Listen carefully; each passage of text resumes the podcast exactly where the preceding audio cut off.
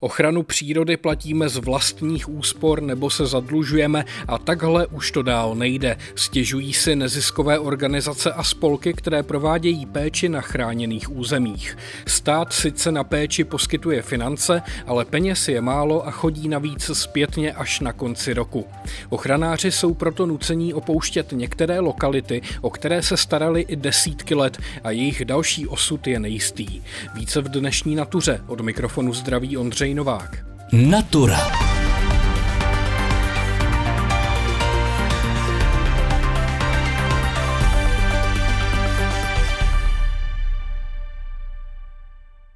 Ohrožené druhy na chráněných územích potřebují intenzivní péči, jinak dochází k úbytku biodiverzity a ochrana postrádá smysl.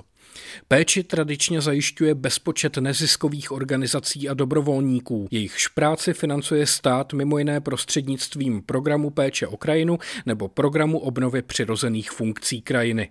Peníze ale neziskovky dostávají až zpětně a letos navíc vázne i podepisování smluv s agenturou ochrany přírody a krajiny, jak říká David Číp z organizace Jaro Jaroměř. V letošním roce je to ještě horší, protože tím, jak byl pozdě schválen státní rozpočet, tím, jak se ještě řešily nějaké další věci ohledně financování, stojíme tu na konci srpna a my máme podepsanou jednu smlouvu. Psádáme se o desítky lokalit po celé České republice, máme podepsanou jednu smlouvu, kde víme, že dostaneme peníze. Všechno ostatní, no snad ty peníze nějak budou, snad to jako nějak zajistíte, ale my vůbec nevíme, jestli to máme zajišťovat, nemáme zajišťovat a protože těch lokalit je hodně a, a opravdu to něco stojí, tak jde o statisícové částky, které my musíme investovat ze svých peněz, ze svých kapes, ze svých rodinných rozpočtů, napůjčovat si na to peníze, prostě poznámých a říkat, hele, snad jako ten stát nám to pak jako na konci roku nám to snad jako zaplatí. Kvůli nedostatku financí, které navíc chodí až na konci roku, proto některé lokality už ochranáři začali opouštět. Přitom jde často o místa, o které pečovali desítky let. Tohle málo kdo zvládne a už i právě kvůli tomu ty lidi končí, protože říkají, já už to mám 200 tisíc prostě ze stavebního spoření, jestli prostě se ty peníze nevrátí, tak mě žena doma zabije a já už to takhle fakt nemůžu dělat. To je fakt jako ostudný stav, který letos vygradoval tím, že to je dlouhodobě takhle podstřelený a tím, že letos teda se to takhle potkalo, že jo, všechny ty faktory, co jsou, inflace a energie, všechno prostě, tak se to potkalo a, a končí to. Vy zkrátka musíte od jara začít dělat nějaký management, ale stát vám to zaplatí až zpětně na konci roku? Ano, to je běžná praxe a je to právě taky špatně, protože třeba žáby vám vylézají už opravdu, jak se začne oteplovat, že spousta žáby se chrání třeba tím, že se přenáší přes silnice, aby jednak teda žáby nebyly rozježděny, jednak aby řidiči nebourali, protože ono potom, když máte plný slizu z těch rozjetých žáb, tak to taky není úplně bezpečný. Tak eh, ty žáby vylezou a začíná se prostě už od jara to samý tráva. Aby to mělo smysl na těch lokalitách, tak eh, tu trávu je potřeba začít sekat ideálně už od 15. května. A postupně mozaikovitě, tak zase, abyste chránili hmyz, tak abyste potlačovali kvetoucí trávy, tak postupně se prostě o to v průběhu celé té sezóny starat.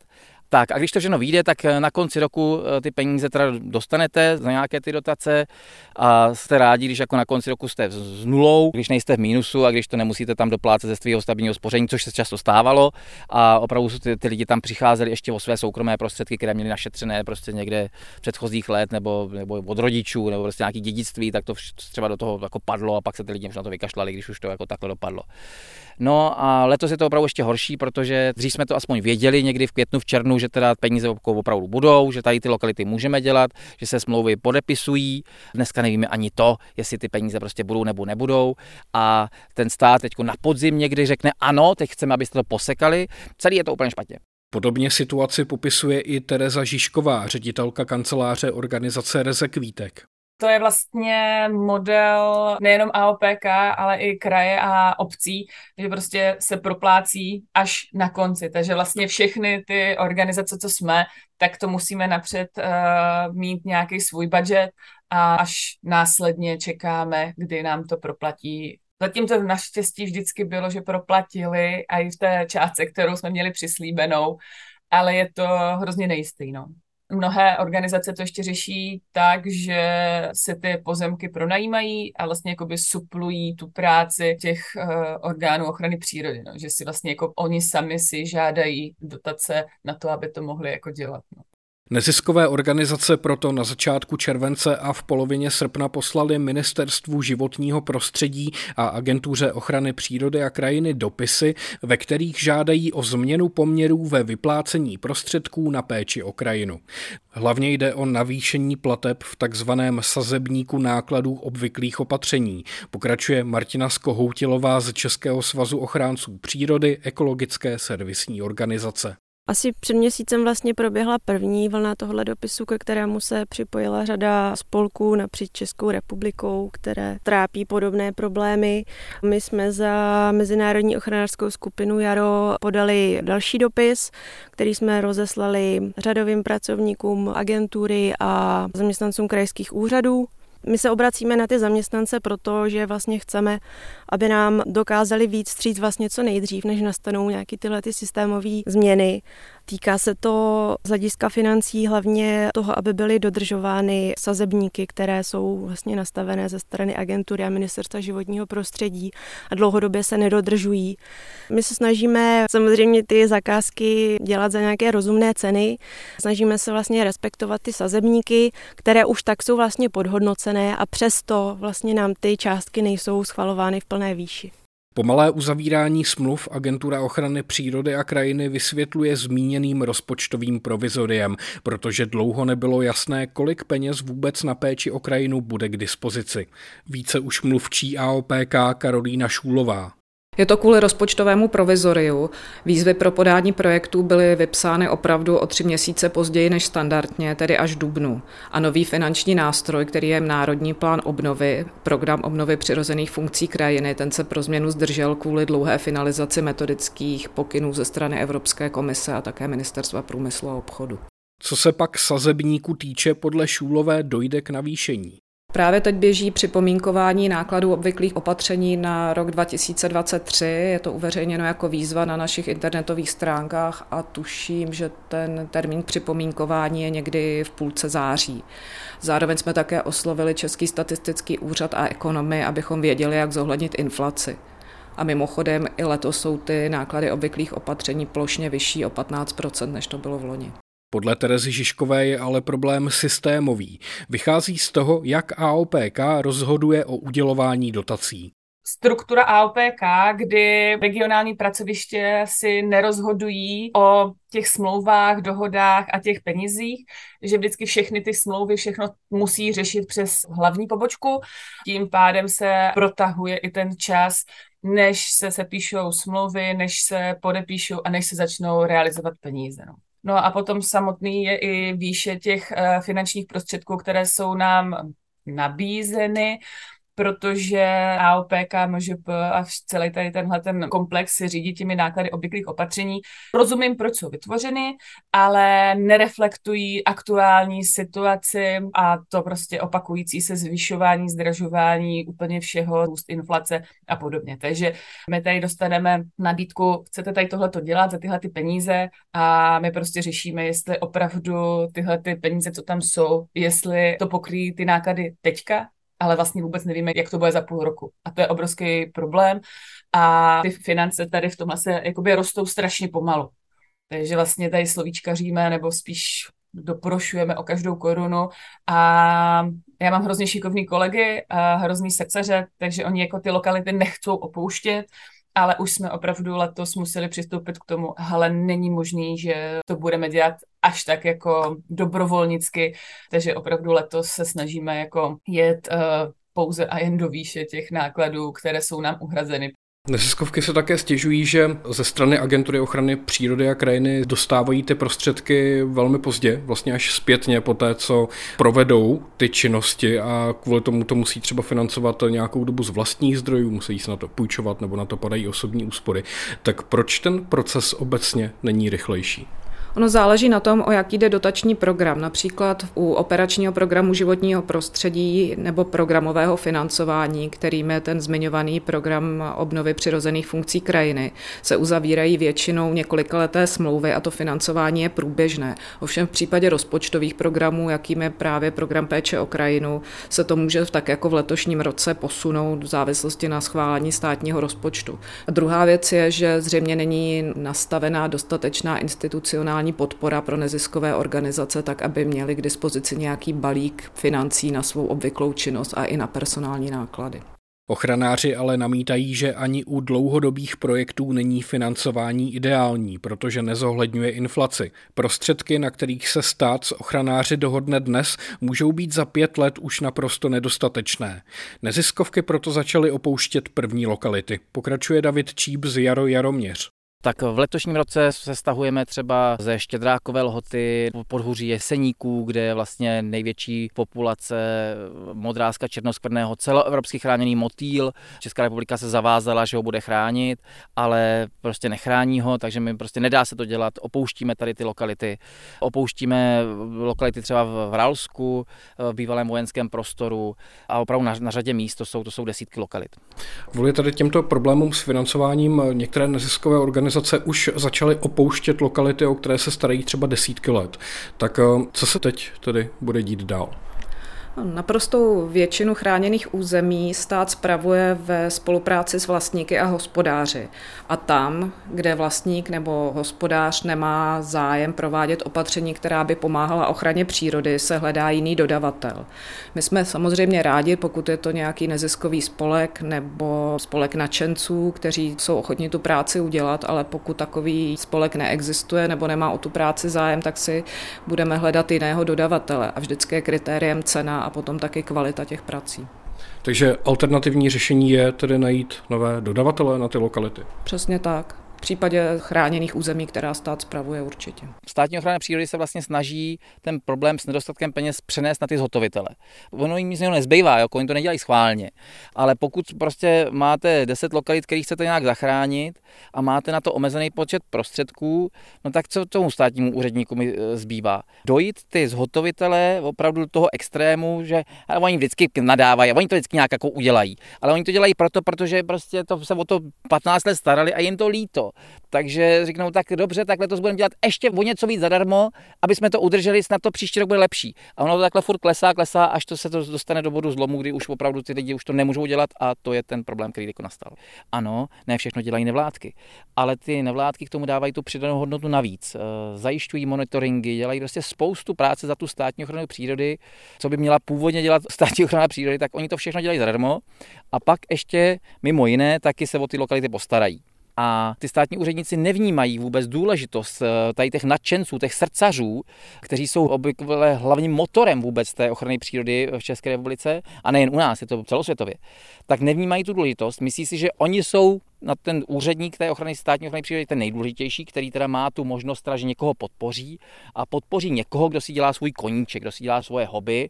A vůbec nechápou, že my to neděláme jako svoje hobby, že to děláme proto, protože prostě chceme zastavit úbytek druhé rozmanitosti, že se snažíme nahrazovat to fungování státu, které tady nefunguje a že bychom byli daleko radši, kdyby jsme mohli dělat něco normálního a ne se někde tady dřít. A není to úplně náš eh, koníček takhle za takových příšerných podmínek tady něco dělat a e, Možná ten koníček je to pro nějaké dobrovolníky, kteří přijdou jednou, dvakrát, třikrát, ale na nich to prostě ta ochrana přírody nemůže stát jenom na těch dobrovolnících. Potřebujete mít občas nějakého profesionále, který to právě všechno skoordinuje, zařídí tak, aby to mohlo fungovat.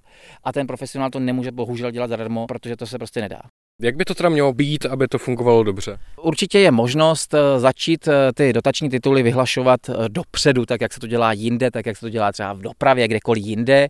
Ta ministerstvo životního prostředí může vyhlásit ty dotační tituly na příští rok, je může vyhlásit letos někdy ke konci roku. Oni tvrdí, že to nejde kvůli státnímu rozpočtu, ale jde to, protože aspoň budou mít čas to zadministrovat, budou mít čas ty zhotovitelé to podat a v momentě, kdy potom budou ty peníze jasný, tak potom už jenom ministerstvo rozdělí peníze a celý to může běžet už třeba někdy od března března. To je první věc. Druhý, co by bylo fajn, tak by byly nějaký zálohy, jak nemusíme celý rok to prostě táhnout tady z vlastních peněz, ale aby opravdu byly nějaké zálohy. No a třetí nejdůležitější věc, tak aby tam vůbec nějaké peníze byly.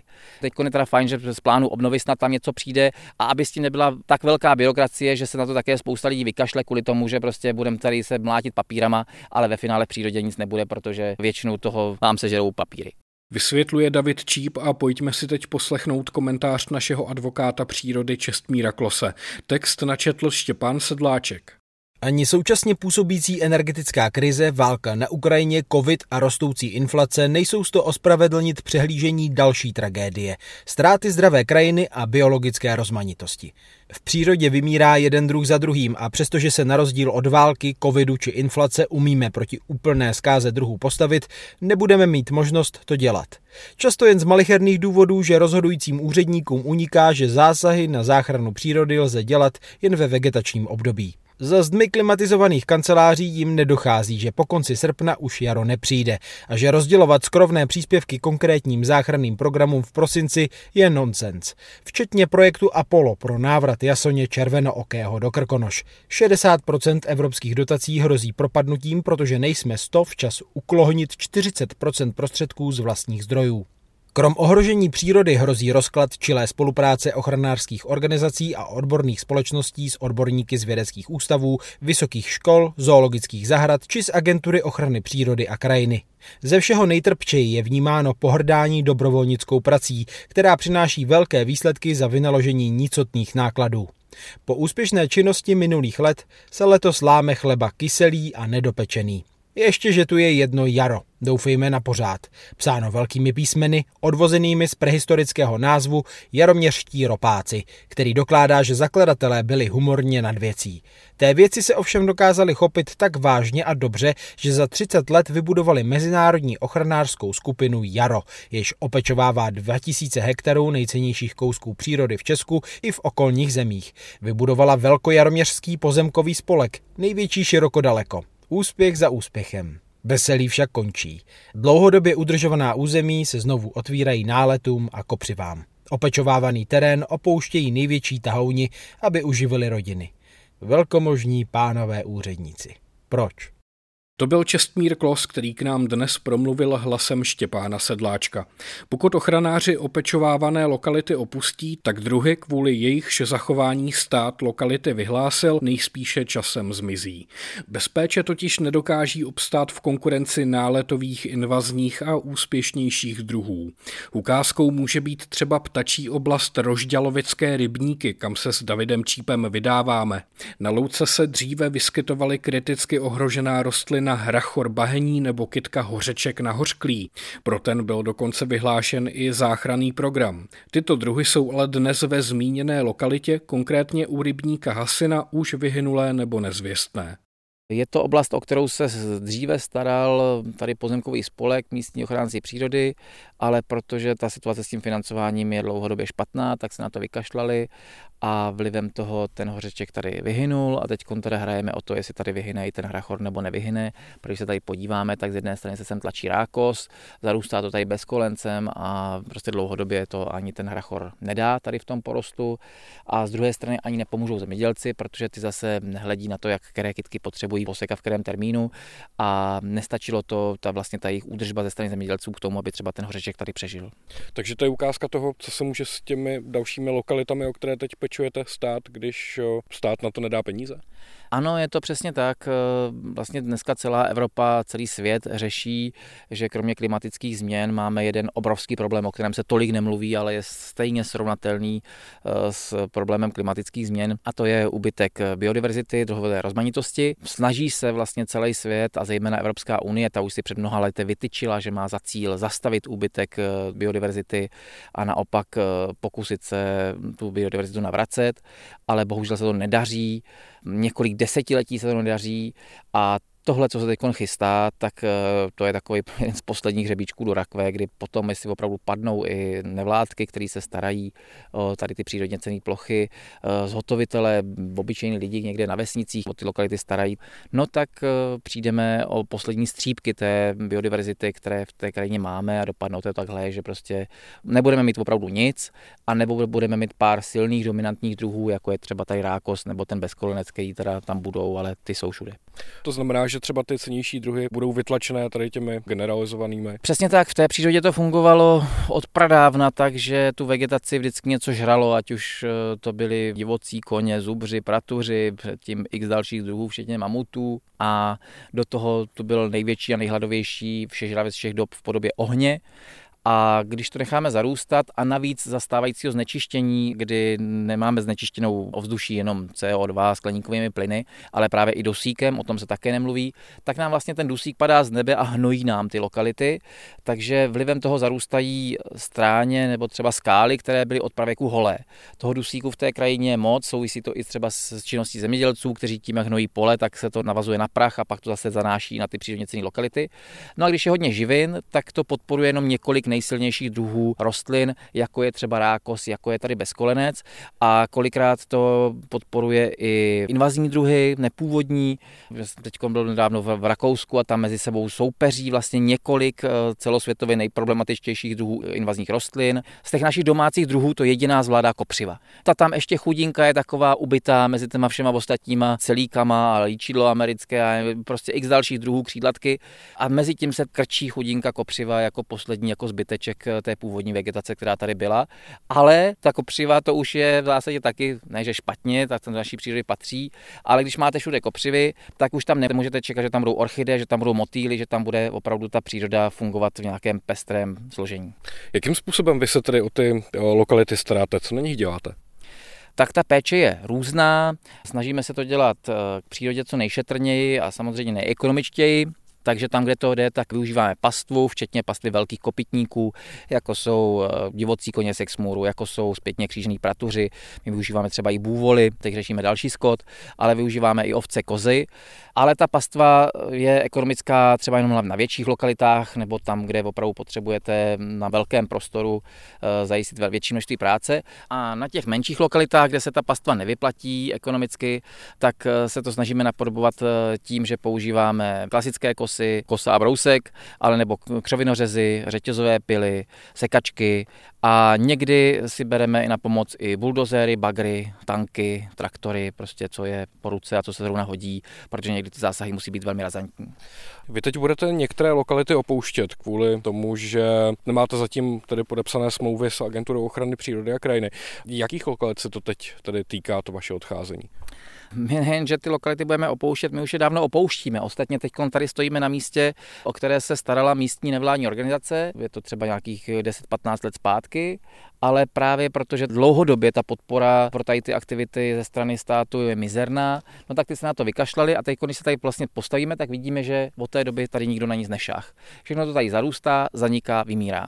Takže ten proces opouštění těch lokalit eh, pokračuje dál, takže se to týká opravdu dneska už desítek lokalit. Do toho se to potkává s nějakým demografickým vývojem, kdy o podobné lokality někde na venkově se starali místní nějací starousedlíci, lidé, kteří prostě měli nějaké hospodářství, ale dneska jsou všichni většinou v důchodu a končí, protože už to nezvládají dělat, nebo nám umírají ty vlastníci. Měli jsme pána, který mu bylo 80 let a on se staral o nejcennější louku Orlických hor. Letos umřel a teď se řeší, co s tím, protože není kdo by ho zastoupil a všichni se obrací na nás, aby my jsme tu louku převzali, protože nejcennější louka Orlických hor nesmí zůstat bez péče, že jo, prostě s orchidem a s horečkama, se vším možným, s rosnatkama, s toliema, ale není nikdo, kdo by se o to postaral. Jediné, co trošku je takové nadějné, takže si to lidé začínají uvědomovat, začínají si to třeba uvědomovat i zemědělci nebo sadaři, protože mají problém s tím, že jim opravdu ubývají opilovači, že jim nestačí včely, protože ty s těma včelama to je komplikované, potřebují ty divoké druhy a nemají je, takže hledají způsob, jak nalákat ty přirozené opilovače třeba do sadů, aby to měli opilované, nebo i hmyzí predátoři, třeba na vinicích teď, že už ty tvrdé metody chemické, které se používaly, tak prostě nefungují, ty škůdci jsou vůči tomu rezistentní, tak se hledají jiné způsoby a více jakoby snaží ty vinaři obracet k přírodě a využívat eh, ty přírodní predátory, hmyzí třeba, ale aby tam byly ty hmyzí predátoři, potřebují druhé bohaté louky a ty už nejsou. Takže jsou teď tendence, že si od nás těch eh, rezervací třeba budou brát eh, takzvané zelené seno, aby se to dávalo do těch vinic na ty zatravimací pásy, aby se jim tam nastěhovala přírodní rozmanitost zpátky a oni mohli hospodařit nějak v souladu s tou přírodou a vlastně se jim to i ekonomicky vyplatilo. Vysvětluje David Číp z organizace Jaro Jaroměř a to je z dnešní natury vše. Od mikrofonu se loučí a příjemný poslech dalších pořadů Českého rozhlasu Plus přeje Ondřej Novák.